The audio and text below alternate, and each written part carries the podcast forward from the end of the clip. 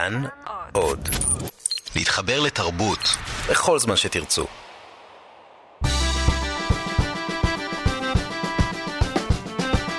מה שקורה עם שירי לב-ארי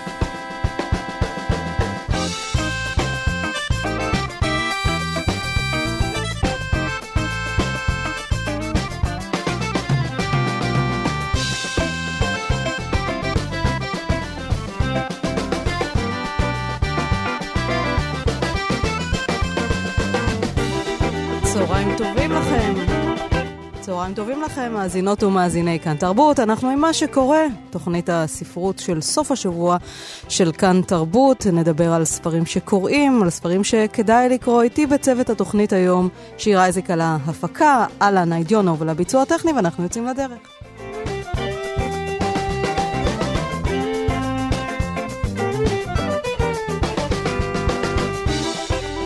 לפני הכל, כרגיל, מבט על רשימות רבי המכר של uh, צומת ספרים וסטימצקי. בתחום ספרי הקריאה, בסטימצקי, בראש הרשימה, איתי החיים משחק הרבה של דוד גרוסמן, הרומן החדש, נער האופניים של אלי אמיר, אישה מעבר לים של שרית ישי לוי, שאיתה דיברנו כאן בשבוע שעבר, uh, וגם שני ספרי uh, מתח מתורגמים, הרלין קובן, אל תעזוב, והתחשבנות של ג'ון גרישם.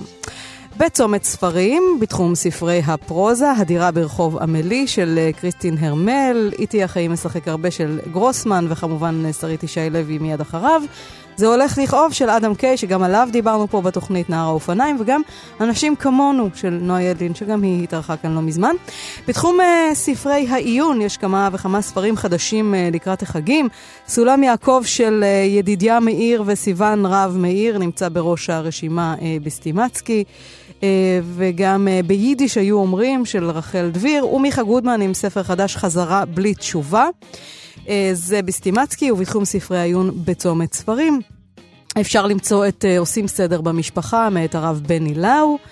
כמובן את ספרם של ידידיה וסיון רב מאיר, את ספרו של מיכה גודמן החדש, וגם עמוס עוז, כל החשבון עוד לא נגמר, הרצאה האחרונה.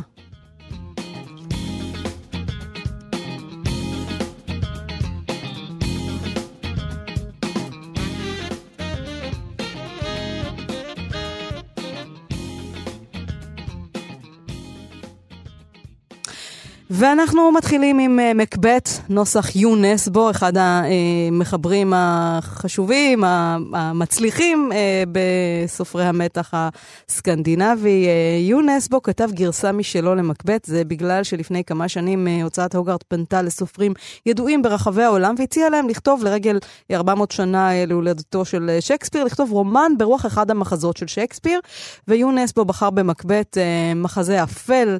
מאוד רצחני, שבעולם התיאטרון תמיד מתייחסים אליו בדחילו ורחים, הוא מביא מזל לא תמיד טוב. וכאן, אצל יונסבו, יש אה, מפקד אה, משטרה ששיקה את העיר אה, בביצה של שחיתות והלך סוף סוף לעולמו, ומותו מצית תקווה בלב התושבים.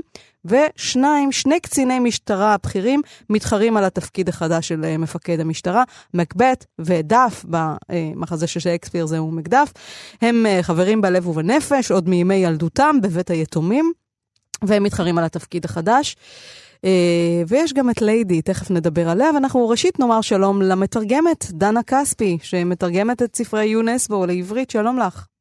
היי שירי. אז את... צהריים טובים. צהריים טובים, דנה. אה, יש לך השערה למה יונסבו בחר דווקא במקבeth של שייקספיר?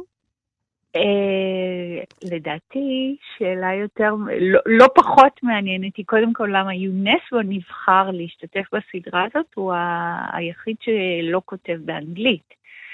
אבל הוא אה, כותב מדמם, ושייקספיר הרבה פעמים בטרגדיות שלו הן מדממות. אז היה, אז, אז יכול להיות, אני, אין לי תשובה מלומדת, אבל יכול להיות שמראש פנו אליו ספציפית אה, לאבד את המחזה הזה, או שהיה ברור שהוא ילך לכיוון כזה, ונגיד לא לחלום ליל קיץ למשל. אה, זאת ההשערה שלי. אה, כי באמת אה, זה מחזה ש, שמתאים לטיפול נסבוי. אז uh, מקבט, כזכור, הוא באמת uh, גיבור מלחמה סקוטי. זה, זה מחזה שכתב שייקספיר uh, בין השנים 1603 עד 1606, והוא כנראה, כנראה מבוסס על סיפור אמיתי שהתרחש בסקוטלנד של המאה ה-11, על מלך חשדני ורצחני, שבעצם הופך לשליט אכזר. ומה עושה איתו יונסבו כאן בגרסת uh, 2019 שלו? אז uh, מה שמעניין זה שתוך כדי העבודה על הספר, אני באמת הרגשתי שנסבו ישר קרא את המחזה עוד פעם ועוד פעם, וגם ניכר שהוא קרא כל מיני פרשנויות על, אה, על המחזה, ש, שכמו שאמרת בהקדמה, באמת אה, הוא, הוא אה, מזוהה עם כל מיני אסונות, ובכלל אסור לומר את השם שלו, ויש כל מיני מסורות בתיאטרון. כן, שלא מזכירים ש... את השם, כי בדיוק. פוחדים שהוא יביא להם מזל לא טוב. הוא יביא מזל לא טוב לתיאטרון, קוראים לו המחזה הסקוטי. עכשיו, דבר ראשון, הדבר הראשון שנסבו עשה זה באמת בצורה מאוד יעילה, אני חושבת, חושבת, הצליח, אה, הוא בחר תקופה אחרת, זה, זה שנות ה-70 של המאה ה-20, אבל באמת ליצור את האווירה הסקוטית הזאת, הקודרת עם הגשם הבל, הבלתי פוסק והאפרוריות הזאת. אז אה, קודם כל במישור החיצוני הזה, הוא, הוא בחר לשחזר את האווירה הסקוטית. אמ, אבל מה שהוא עשה במקביל זה גם נתן פרשנות של ימינו אנו, כי באמת הוא עוסק הרבה בפסיכולוגיה של הדמויות, שזה לא, לא אופייני כל כך לשייקספיר, אבל היום, כשאנחנו, רוב הבלשים שאנחנו קוראים, באמת אנחנו עסוקים מאוד בלמה הם. כמו, אז... כמו, כמו שהם. אז מה אפשר לומר? קווים לדמותם של שני הקצינים הבכירים האלה, מקבט ודף. שניהם הצטיינו במאבק נגד הכנופיות של הסמים, היריבות בעיר, ועכשיו הם עוברים להילחם זה בזה על התפקיד הבכיר במשטרה. אז אה, כמובן, אה, כמו שעושים היום, אה, וזה מאוד אופייני לספרות סקנדינבית, נורבגית ספציפית, ובכלל ספרות העולם, חוזרים לילדות. מה היה בילדות שלהם ש... שהפך אותם למה שהם. ילדות של יתומים. ילדות של יתומים, אבל כל אחד הגיע מנסיבות מאוד אחרות, בלי לחשוף יותר מדי. דף בעצם בא ממשפחה לא ענייה, הוא נקלע לבית יתומים בגלל איזו טרגדיה משפחתית. כן. אה, מקבט לעומת זאת הוא באמת אה, מין אה, ילד רחוב כזה ש... שגדל בבית יתומים ואחר כך מאמץ אותו בנקו, שהוא גם כמובן דמות מהמחזה המקורי, ופה כן. משחק תפקיד קצת שונה. והוא הופך לבן טיפוחיו, ובעצם הוא חייב להפוך לשוטר כדי לשנות, לא, לצאת מהמסלול שנקבע בילדות שלו, של סמים וכו'. כן. להפוך לטוב. את יודעת, את אומרת שיונסבור מביא את הפסיכולוגיה של הדמויות. באחד הראיונות איתו הוא אמר פעם, טוב ורע הם עניין של נקודות מבט. כן. זאת אומרת, זה יחסי. נכון, נכון, ובאמת אה, מה הכישרון של יונסקו בעיניי הוא באמת היכולת, אה, גם בדיאלוגים המאוד שוטפים, למרות שבספר הזה זה שונה מספרי הארי הולה, כי, כי יש לו, הוא משחק עם סגנון שייקספירי, כלומר, יש משפטים או... תני דוגמה, או, למשל. Uh, זהו, הספר לא מולי, האמת שעוד לא ראיתי אותו, אז אני סקרנית לראות איך, uh, למשל, איזה רושם מוצא עטיפה, אבל הוא, יכול במשפט אחד uh, שיהיה נגיד חילו, חילופי דברים בסגנון בין שוטרים, מין סלג משטרתי כזה, לא יודעת, הכנסנו, ממש אין לי דוגמה כרגע, אבל באמת, ובמשפט הבא, יהיה משהו נורא פיוטי ושנשמע שייקספירי. והוא לא, הוא לקח מעט מאוד מהמחזה המקורי מבחינת שפה, כן. אבל הוא מחקה את הסגנון. אבל את הפילוסופיה הניהיליסטית שלו, של מקבט, איך, איך זה בא לידי ביטוי אצל השוטר, כן? אצל הקצין פה? Uh, מהר מאוד מקבט, שבהתחלה באמת, uh, וגם תוך כדי העלילה נחשפים פרטים מהילדות שלו, אבל באמת מהר מאוד uh, הרצון לטוב הופך לרוע, ואז זה, זה יוצא מכלל שליטה. כלומר, מהר מאוד כן. הוא באמת לא אכפת לו שום דבר, רק לש...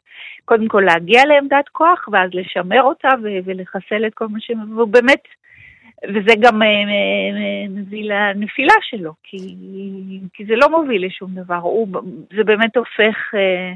שוב, אם לקחת מושגים שאנחנו עוסקים בהם הרבה, למין בנאליות של רוע. מה שמתחיל כניסיון פסיכולוגי להבין את הדמות ומה מניע אותה, בסוף הופך למין רוע מוחלט ואכזריות מוחלטת שאין לה שום מטרה כן. ואין לה צידוק והיא לא מובילה לכלום, רק לחורבן. ורק נציין שיש גם ליידי, ליידי מקבט, שכאן היא בעלת קזינו, שיש לה הרבה עוצמה, והיא הבת זוג של מקבט, וגם היא רוק, רוקמת כל מיני תוכניות אה, שאפתניות ורצחניות. הרי במחזה של שייקספיר, אני חושבת שהיא התחילה את כל הסיפור הזה של אה, לרצוח את המלך המכהן, כדי שמקבט יהפוך, יתפוס את מקומו. אה, אז עד כמה המחזה הזה, את חושבת, רלוונטי לימינו אה, על שליטים חשדניים ורצחניים, שכמו שאת אומרת, באים לעשות טוב ובדרך אה, הופכים לרעים באופן בנאלי כמעט? כן. תראי, הבחירה של נסבו, אמנם הוא לקח את זה 40-50 שנה אחורה, אבל זה עדיין התקופה שלנו. אנחנו רואים באמת אנשים שנבחרים בדרכים פחות או יותר דמוקרטיות או לגיטימיות, ומהר מאוד משתלטים על המערכת וזורעים הרס וחורבן. עכשיו, הוא באמת לוקח את ה... מנסה להסביר את הפסיכולוגיה של זה, והוא לא כל כך מתעסק, למרות שיש אה, רמיזות פה ושם למנטליות של העם שרוצה מנהיג חדש, או של יושבי העיר במקרה הזה. אה, אז הכל מאוד מאוד רלוונטי לנו. אה, ונראה שהוא באמת אתה... מתקשר עם שייקספיר במובן הזה שגם יונסבור מבין את, ה... את טבע האדם שרוצה כוח ושליטה וחולות תאוות, מונע מתאוות. לגמרי, ובמובן הזה באמת מורגש ההתעמקות שלו במחזה המקורי, הוא עושה מזה כמובן כמו יונסקו, הוא לוקח את זה למקומות אחרים, והדגשים הם קצת שונים. למשל במקרה של ליידי, אם במחזה המקורי זה באמת איזה דמות, אה, והקשר שלה עם המכשפות וכל זה, זה משהו יותר נוגע במיתי, מיתולוגי וכולי וכולי. פה יש אה, פסיכולוגיה קצת, למה היא כזאת, אה, אני מקווה שאני לא הורסת אם אני אומרת שהיא איבדה תינוקת בצי, בצעירותה, ויש כן. פה שוב, אבל אה, אה, הוא כן, אה, כמו שייקספיר, אה, באמת אה, מנסה להגיע למהות מזוקקת של משהו, ולתאר את זה דרך, כלומר, זה יכול להיות תהליך אנושי שהוא לא ספציפי כן. למקבט, אבל דרכו הוא מראה תמונה באמת גדולה של... כן. החברה, של האנושות. של טבע האדם. מקבט, כן. נוסח אה, יונסבו, אה, מחבר ספרי המתח הסקנדינבי הנודע, בתרגום מנורבגית שלך, דנה כספי, בהוצאת בבל. תודה רבה לך על השיחה תודה הזאת. תודה לך. להתראות. להתראות. חזרנו, אנחנו עם uh, מה שקורה, תוכנית uh, הספרות uh, של יום חמישי, של סוף השבוע, ואנחנו נדבר עכשיו על מחזה חדש, הצגה שתעלה בחול המועד סוכות uh, במסגרת פסטיבל uh, תיאטרון נטו בעכו עתיקה וביפו עתיקה. הוא נקרא שריקה, כתב אותו הסופר uh, יעקב בוצ'אן, ואיבדה, והוא משחק את הדר גלרון. שלום לשניכם, יעקב בוצ'אן והדר גלרון כאן באולפן. שלום, שלום.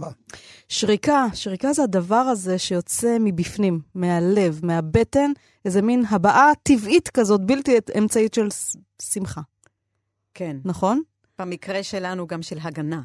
הגנה. זאת אומרת... מפני זאת... החושך מפני המטאפורי. ה... כן, בדיוק. מפני הבדידות, מפני החושך, וגם אצל הגיבורה תמי, שהיא, שהיא קצת, אה, קצת, בבואתה של אה, יעקב בוצ'ן בעצמו, אז אה, זו הדרך שלה לענות, כי היא לא יכולה לכעוס ולענות ולצרוח ולצעוק, אבל היא יכולה לשרוק. לשרוק. זה קצת מזכיר לנו גם את השריקה ההיא מבית הכנסת נכון. בסיפור נכון. של uh, שלום עליכם. אז uh, יעקב בוצ'ן, קודם כל, כבוד גדול לארח אותך באולפן. אתה כותב שנים רבות, uh, גם ספרים על ואל בני הדור השני uh, לשואה. המחזה הזה גם הוא על תמי, uh, דור שני לשואה, שלא מרשה לעצמה לאהוב. אה, ולחיות באמת, והיא בעצם, כל המחזה הזה, המונודרמה הזאת, היא מדברת עם המתים. המתים היו חלק מחייה מהרגע שהיא נולדה, והיא מדברת עם האם ניצולת השואה המתה, עם האב, עם הבן אה, זוג שמת, עם האפרוח שהיא רצחה ב... בילדותה בטעות. אז תספר לנו מה מתמי יש בך. יש ממש סיפורים של אימא שלך שנכנסו לתוך המחזה הזה. אפשר להגיד שהכל, או כמעט הכל. אם כי העיבוד של אגר, הדר, הדר עשתה את זה, עשתה את זה ממש, לה, הפכה את זה לדמות שלה בצורה מאוד מחשמלת. אני רוצה להגיד איך המחזה הזה, למה עלה בדעתי לכתוב את המחזה הזה. אמנם כתבתי ארבעה או חמישה ספרים על השואה, ואפילו לפני כ-20 שנה הופיע עוד מחזה שלי בתיאטרון נטו, שקראו לו לאורך הקירות, עם רוזינה קמבוס, זיכרונה לברכה. וזה היה על דמות האם בשואה. הפעם זה על דמות הבת בשואה. והסיבה שכתבתי היא סיבה מאוד אה, לכאורה פשוטה, אבל יחד עם זה גם לא קלה. אני רואה שכל ניצולי השואה הולכים אט-אט לעולמם בדרך הטבע. ומי שנשאר זה הדור השני. הדור השני לא ממש יודעים עליו. לא יודעים את מה הוא חווה, לא יודעים מה הוא מרגיש, לא יודעים מה זה נקרא לחיות בצל הורים כאלה. בעצם אני, שכתבתי ספר בשם ילד שקוף, הייתי ילד שקוף. אתה. נולדת באוסטריה. אני נולדתי באוסטריה. והגעת עם הוריך אחרי המלחמה בגיל כמובן. שנתיים. כן. אז uh, כתבת את ילד שקוף שמביא את החוויה שלך, וגם... מביא את החוויה שלי, וחלק מהדברים, אי אפשר את הכל, אבל חלק מהדברים uh, תספר הדר. הדר. הדר. כן. Uh, רק רציתי לומר שהסיפור של יעקב, ב- הייחוד המדהים ומטורף ומפחיד של הסיפור של יעקב, זה שאימא שלו אה, הייתה מזכירתו של מנגלה. נכון. זאת אומרת, זה, זה, זה, זה אישו, מי בכלל חשב, מי בכלל חלם. כתבה בשבילו ותרגמה מגרמנית לרוסית, ו... ועבדה מולו, ואתה יום אחד שאלת אותה, אמא, למה לא לקחת איזה משהו והרגת אותו, אם ראית שהוא לא, כזה? לא, היא עשתה לו מניקור. אז מה היא אמרה? וזה נכנס לתוך המחזה. כן. אה, אני לא יודע אם כדאי לקלקל. בסדר, המשפט הזה לא יקלקל. אה, למה לא הכנסת לו את המספריים לעיניים? אז היא הביטה במבט שמסתכלים על איזה ילד מפגר, היא אומרת, מה אתה מדבר, בן שלי? הם גנבו לנו שם את השכל. והאימא הזאת, שכאן במחזה היא הינדה, שמה, והיא מופיעה בתור רוח המפ... אלינקה. אה, אלינקה, נכון. כן, הינדה. זאת אה, ניצולת שואה אחרת מספרו הידוע של דוד גרוסמן. אה, אלינקה היא... היא אה, אה, באה כאן כרוח רפאים ומספרת מחדש את סיפורי הזוועה שאתה, יעקב, שמעת בתור אה, ילד.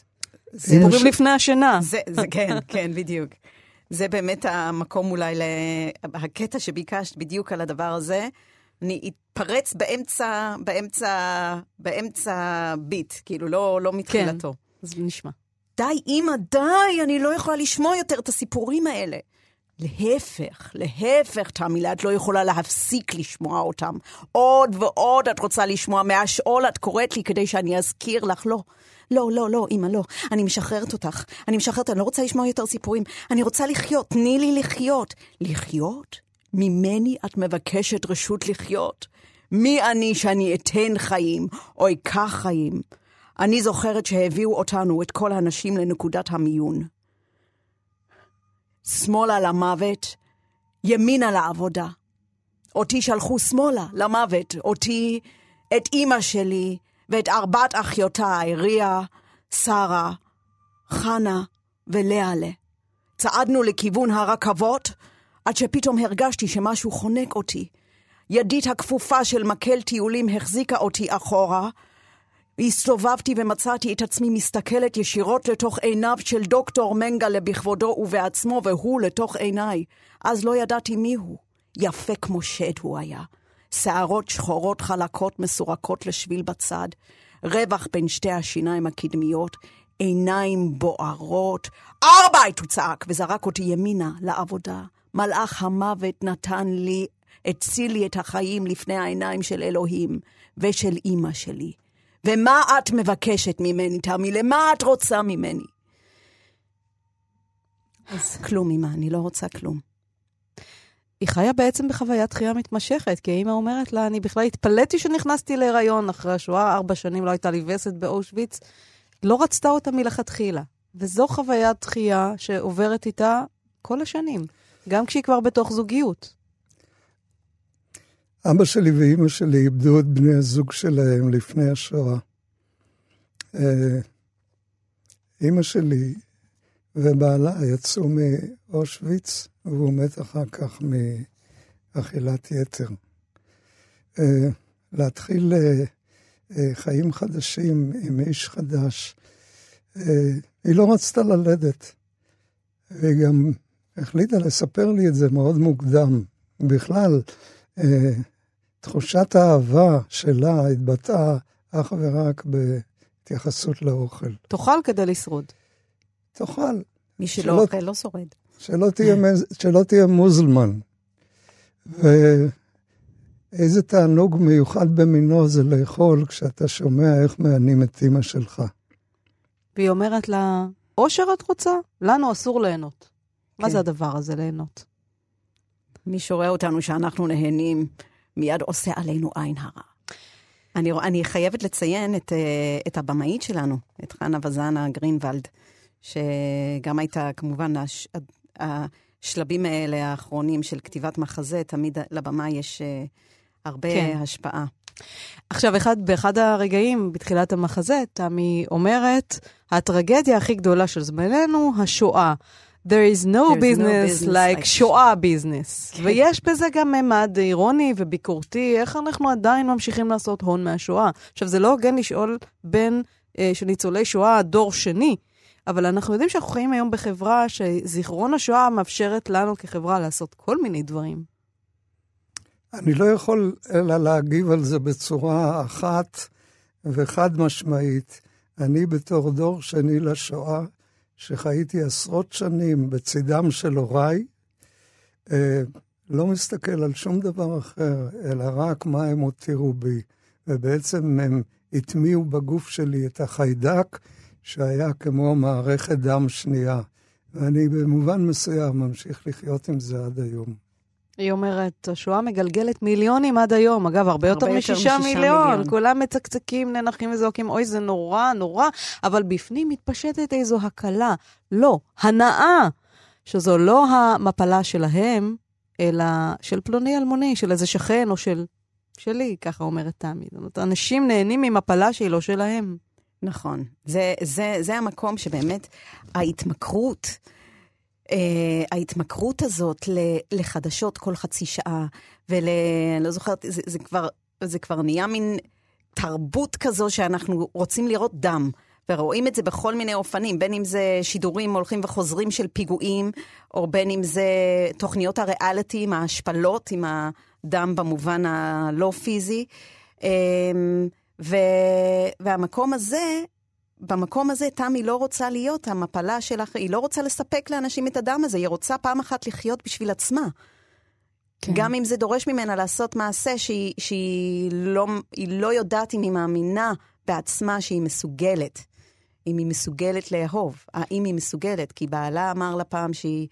שהיא לא יודעת לאהוב, היא יודעת לרצות. לרצות, לרצות ולא, ולא, ולא לאהוב. כן. ודווקא המחזה נפתח בנקודת פתיחה חיובית, כי מופיע מחזר חדש, בוכרי, לא כן, משלנו. לא משלנו, כן. כן. ומחזר אחריו היא בעצם בדרך לדייט עם כל ייסורי האשמה האלה. בעצם בגלל זה מופיעים המתים, בשביל לעצור אותם מללכת להיפגש איתו. והיא, והיא משוחחת איתם, ואני רוצה להאמין שהמחזה הזה נגמר אה, אה, בטוב. יעקב, אתה כותב שם, ההפך ממוות זה לא חיים, ההפך ממוות זה אהבה. יש לי להגיד על זה הרבה, אבל זה לא, לא ככה. כתבת על זה הרבה. כן, לא... כתבת לא, גם לא... על אירוטיקה בתוך הדבר הזה. נכון. ועל ההאחזות באירוטיקה. בדיוק. אבל אני רוצה, ברשותך, להגיד משהו אחר. בגלל הסיפורים הרבים של אימא שלי, אה, היא בעצם לא הגנה עליי. היא לא הגנה עליי, ואני הרגשתי במובן מסוים שאני... אה, מתמלא, הולך ומתמלא אשמה. האשמה שלי הייתה במובן שאני לא יכולתי להגן עליה מפני הנאצים. וזה התהפך לאופן כזה שבתוכי כאילו צמח רוצח. אז באמת אתה כותב על תמי שהיא בתור ילדה מאוד מאוד רצתה אפרוח, והביאו לה את החיה הקטנה הגוזלית לא, לא, הזאת. לא, לא, אל תעשי ספוילר. לא, אני לא אעשה ספוילר. כי זה בסוף מגיע למשהו, לתודעה הרבה יותר נוראית מזו. כן. אז אתה הרגשת רוצח, כי לא הצלחת להגן על אימא. כן. Uh, והיא אומרת uh, במחזה, אבא שלך, אבא שלך, היא אומרת לתמי, אבא שלך ואני עשינו הכל מה שאפשר בשבילך. אז היא אומרת, נכון, הכנסתם את כל המתים שלכם לתוך החיים שלי. ילדה קטנה עם חברים מתים. הרי לא הסכמת שאני אלך לבתים של חברים מהכיתה, גם לא למסיבות, לא לטיולים, פחדת שיגנבו לי את האוכל, אירועים משפחתיים לא היו כי אין משפחה. בכלל, חשדת בכל מי, בכל מי שלא בא משם. זה בעצם המצור שאתה הרגשת בתוכו? אנחנו, שהגענו לארץ אחרי uh, המעברות, שלחו אותנו לשכונת שפירא, וגרנו שם אצל בית של בוכרים. ואני זוכר איזה יום שהבוכרים, שאימא שלי הייתה משסה את אבא שלי בהם, היה לה כוח לא רגיל לאישה הזאת, ואבא שלי היה נאמן לה. הוא הלך לריב איתם על משהו שהם פגעו בה או זה, ובעצם הם הרביצו לו. אבל אני ראיתי את זה כאילו זה ריקוד. הוא באמצע והם מסביבו, ואימא שלי נושכת את האצבעות שלה וצווחת. ואלה היו הבוכרים, בעיניי, כן? כלומר? כלומר, לעשות כאן איזה סולחה, כאילו להתאהב בבוכרי זה לגמרי בסדר היום. אין לזה שום... אה, שום מניעה והכל טוב. כנגד אז המחנאות הזאת, כן, של מי שבא רוצ... משם ומי שלא בדיוק, בא משם. בדיוק, רוצה להראות יות... מאיפה באתי, מה עברתי, מה ראיתי. יותר מזה, גם אה, אה, הכנסנו שהתיאור נכון. שלה, את, את הבוכרי, ואת... בעצם התיאור של האימא, את, אה, את מנגלה, את מנגלה, עם השיער השחור המלא, שיש שם שביל, ורווח בין השיניים ועיניים בוערות. בדיוק, והסיבה לכך היא שבעצם... מנגלה, למרות שהוא היה מלאך המוות, הוא נתן לה חיים. והאיש הזה הוא היחיד שיכול אולי עכשיו לתת לתמי חיים. כי הוא שורק. הקשר ביניהם מתחיל בזה שהיא שומעת אותו שורק בחצר. כן. השריקה. השריקה. אתם יודעים לשרוק? כן, בטח. נו, את חייבת לדעת. ברור. הדר. כן. שריקה קטנה מהמחזה? שריקה קטנה, אוקיי, רגע.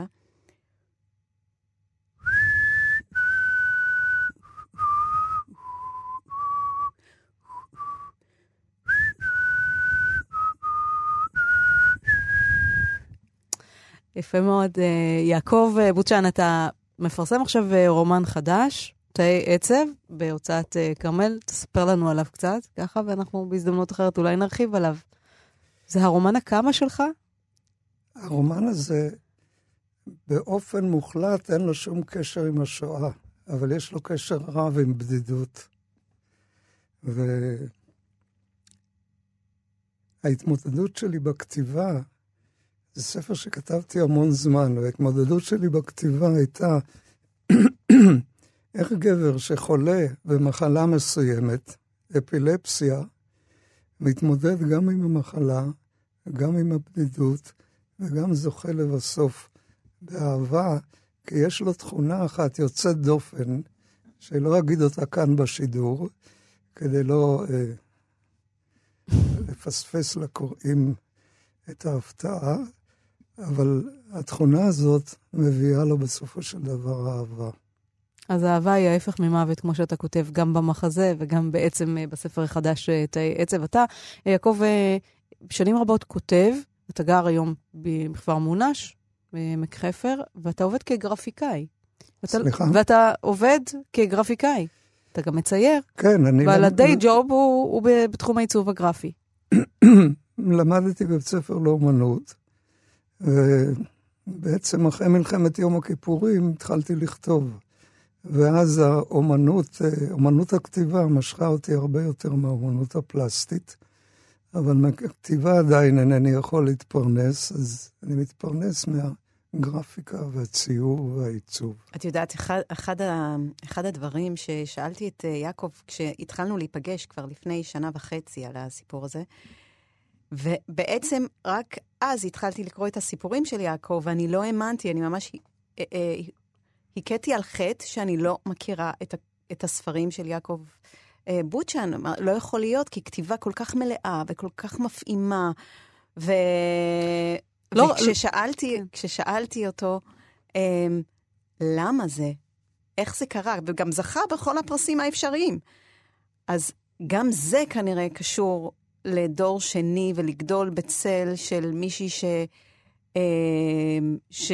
ליהנות ולהצליח זה לא חלק מהתפריט. אז אה, באמת, אה, יעקב, אתה קצת סופר של סופרים או של יודעי חן, זאת אומרת, מי וחבל, ש... וחבל, וחבל, אני, אני, מי ששומע... אבל אתה גם לא מרבה להתראיין. זה לא שאתה נמצא בפרונט של... מתוך בחירה, אני חושבת. נכון. אני גם גר רחוק, אני גם לא יודע איך ליצור את הקשרים.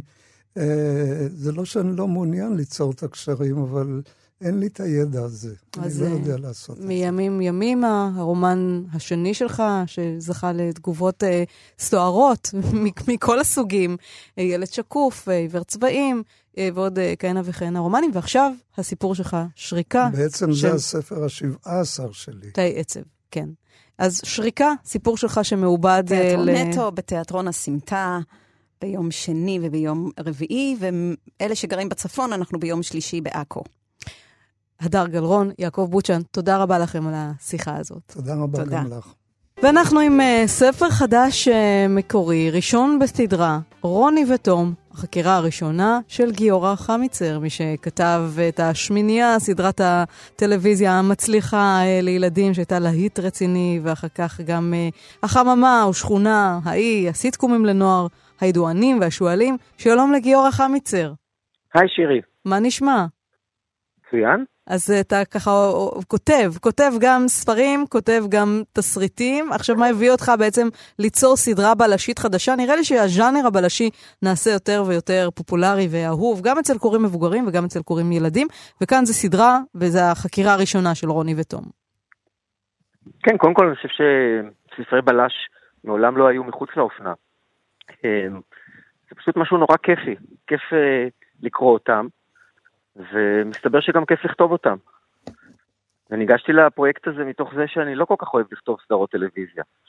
אני עושה את זה למחייתי, באהבה. באמת? אבל באמת? זה, אבל זה לא, באמת? זאת, זאת לא פעולה שמביאה איתה הרבה הנאה. מה, אבל נגיד אה, השמינייה, התחברת לעולמם של ילדים. בוודאי, בוודאי. ועונה ועוד עונה, כן. כתיבה עצמה של תסריט היא לא דבר פשוט, בטח שלא צריך, שאתה צריך לעשות 50 אה, פרקים בעונה.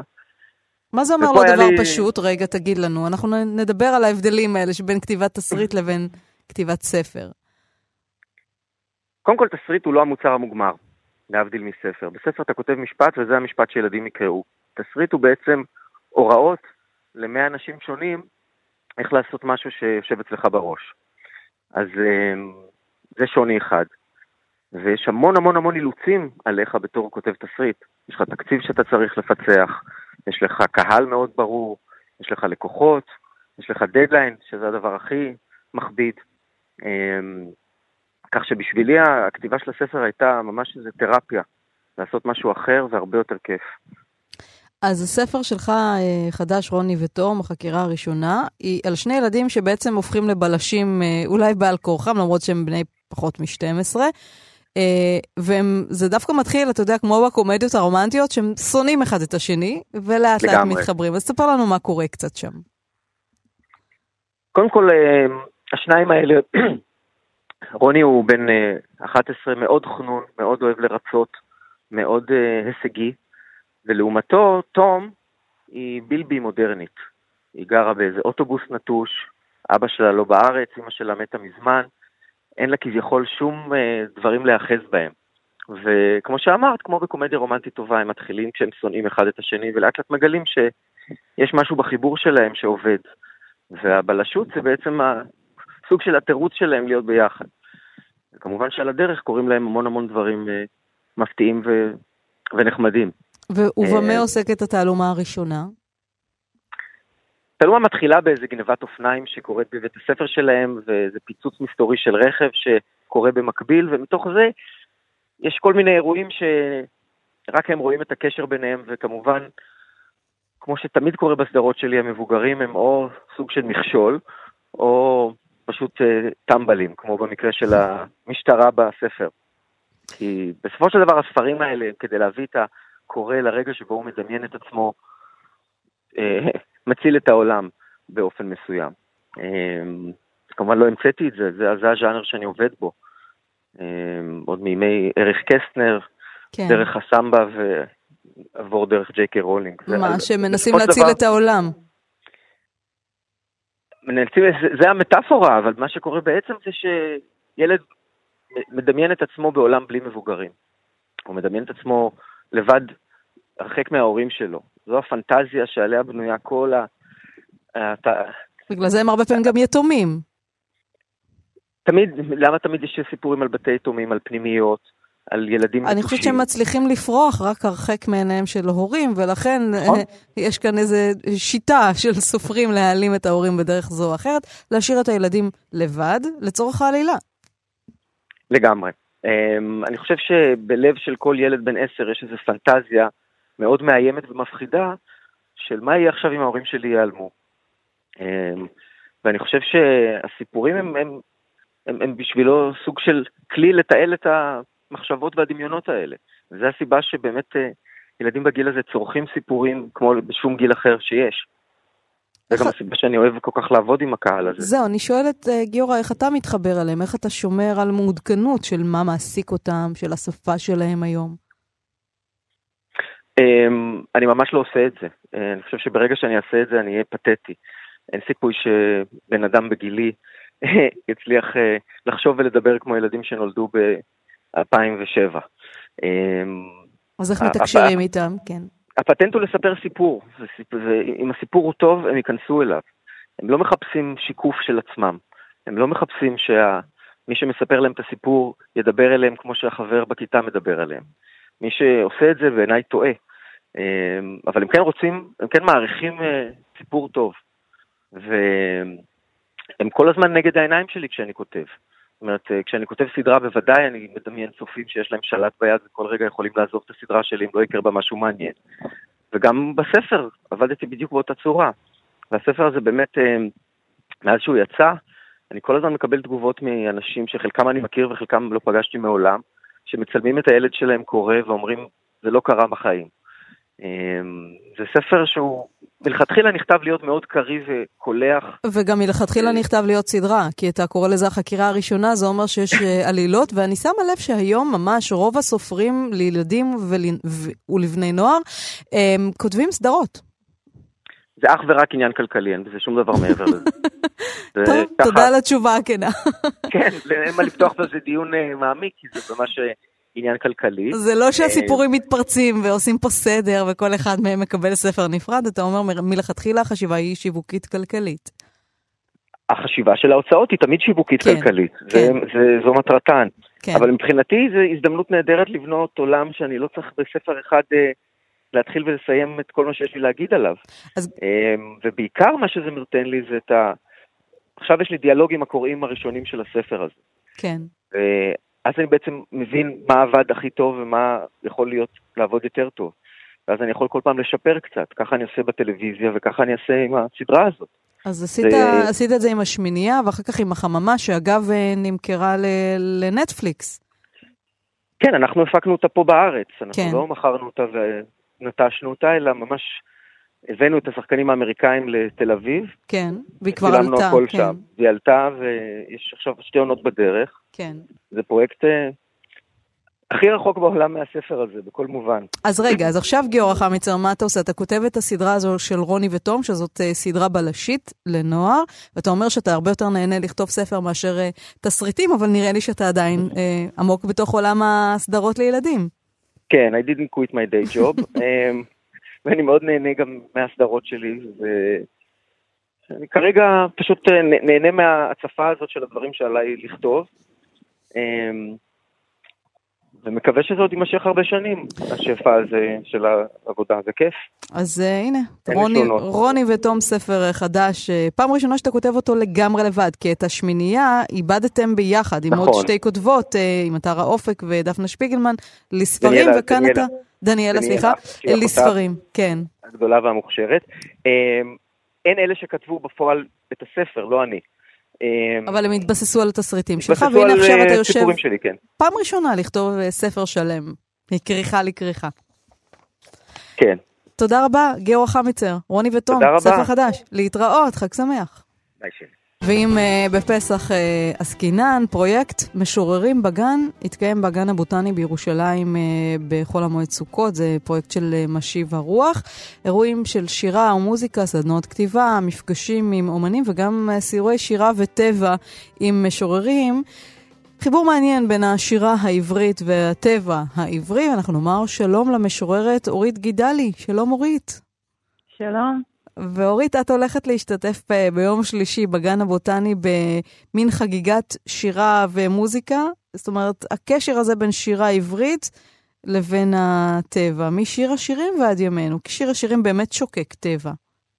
נכון. פריחה וגם דימויים של בעלי חיים. אז uh, תספרי לנו על החיבור שלך כמשוררת אל עולם הטבע. Um, האמת היא שהתפיסה שמשיב הרוח הביאו איתנו היא מאוד מאוד רחבה על טבע, טבע האדם ובכלל השפע. נראה לי שהסיבה שזה כל כך מצא חן בעיניי um, הייתה כי הם עשו איזה חיבור של אהבה ושל פריחה ושל שירה ושל הסגן בשיא הפלא שלו, וזה מתאים בכלל, אני, את אני שומעת מכל כיוון אה, קיטורים על החג. ונדמה לי שהמילה חג מחזיקה את זה, את, ה, את הסחרחורת הזאת, הדבר הזה חג וחוזר וחג ומרדד את עצמו. במיוחד בפסח, ו... אני חושבת, כן, יש איזו סחרחורת על גבול הכפייתיות. הדיבור, נכון. הדיבור הוא, אוי, בסדר, איך תשרדו. עכשיו, זה, זה נובע מזה שזה חג, שזה כל הזמן חוזר, שזה כל הזמן מרדד את עצמו. אבל אני חושבת שזה כן אופייני ולא... ספציפית לאביב, אני לא בטוחה שבראש השנה יש כאלה קיטורים. אני חושבת שיש משהו בהתעוררות האביבית הזאת שהוא גם קצת מערער. אז זה בדיוק זה, אז זה בדיוק זה. אז אנחנו פה, אז אני, אני מדברת איתך תוך כדי שאני מנגבת את האף מאלרגיה. למשל. מאח מהפריחה ואלרגיה.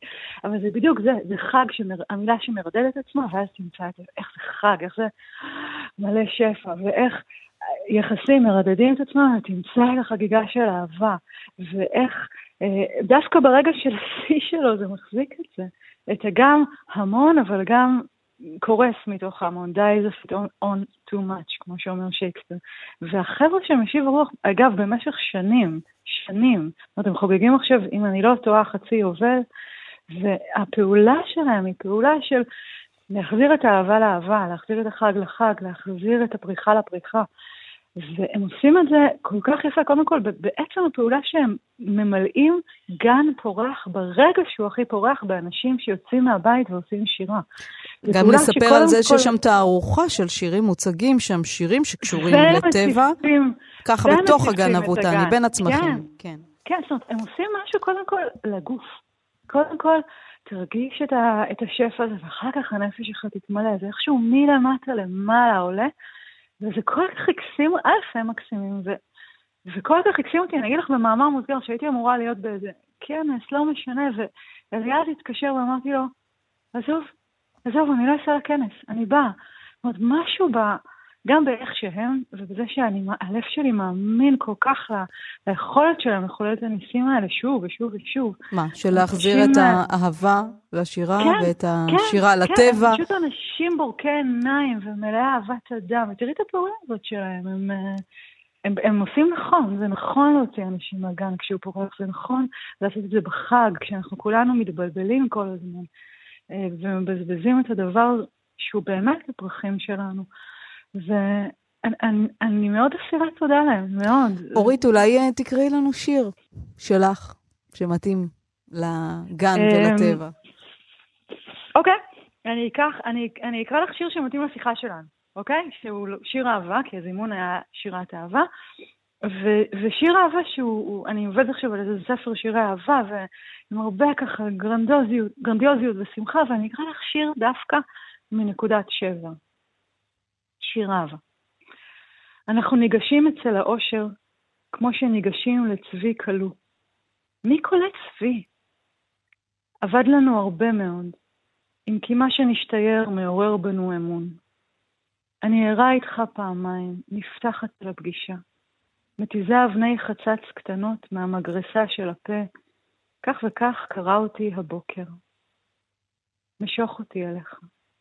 נכה מעליי את הפטפוט. נגב אותי כדי שיהיה שוב נקייה, גם אם לא אחוזת תיללי לילה. עכשיו, הזמן לא מחכה לנו בזמן שאנחנו מחכים. עכשיו מתנשק בזמן שאנחנו מתנשקים. אז uh, משוררים אהבה בגן, אורית גידלי, חגיגת uh, שירה, uh, שירי אהבה עברית בגן הבוטני בירושלים בחול המועד פסח, ולמעשה זה אמור להימשך גם אחרי פסח. כל חודשי האביב, עד יוני, עד שהקיץ uh, ישתלט עלינו סופית, uh, הגן הבוטני בירושלים עם תערוכה של uh, שירי אהבה וטבע, אהבת האדם ואהבת הטבע של משיב הרוח. אורית גידלי, תודה רבה לך. תודה רבה, בוקר טוב. בוקר טוב, צהריים טובים, חג שמח אוטוטו. ואנחנו נסיים את uh, מה שקורה uh, של היום. נודה לעומר מנחם שליט, נודה לשיר אייזיק על ההפקה, על הניידיונוב, על הביצוע הטכני. תודה לכם על ההאזנה, חג שמח, כאן באולפן שירי לב-ארי, להתראות.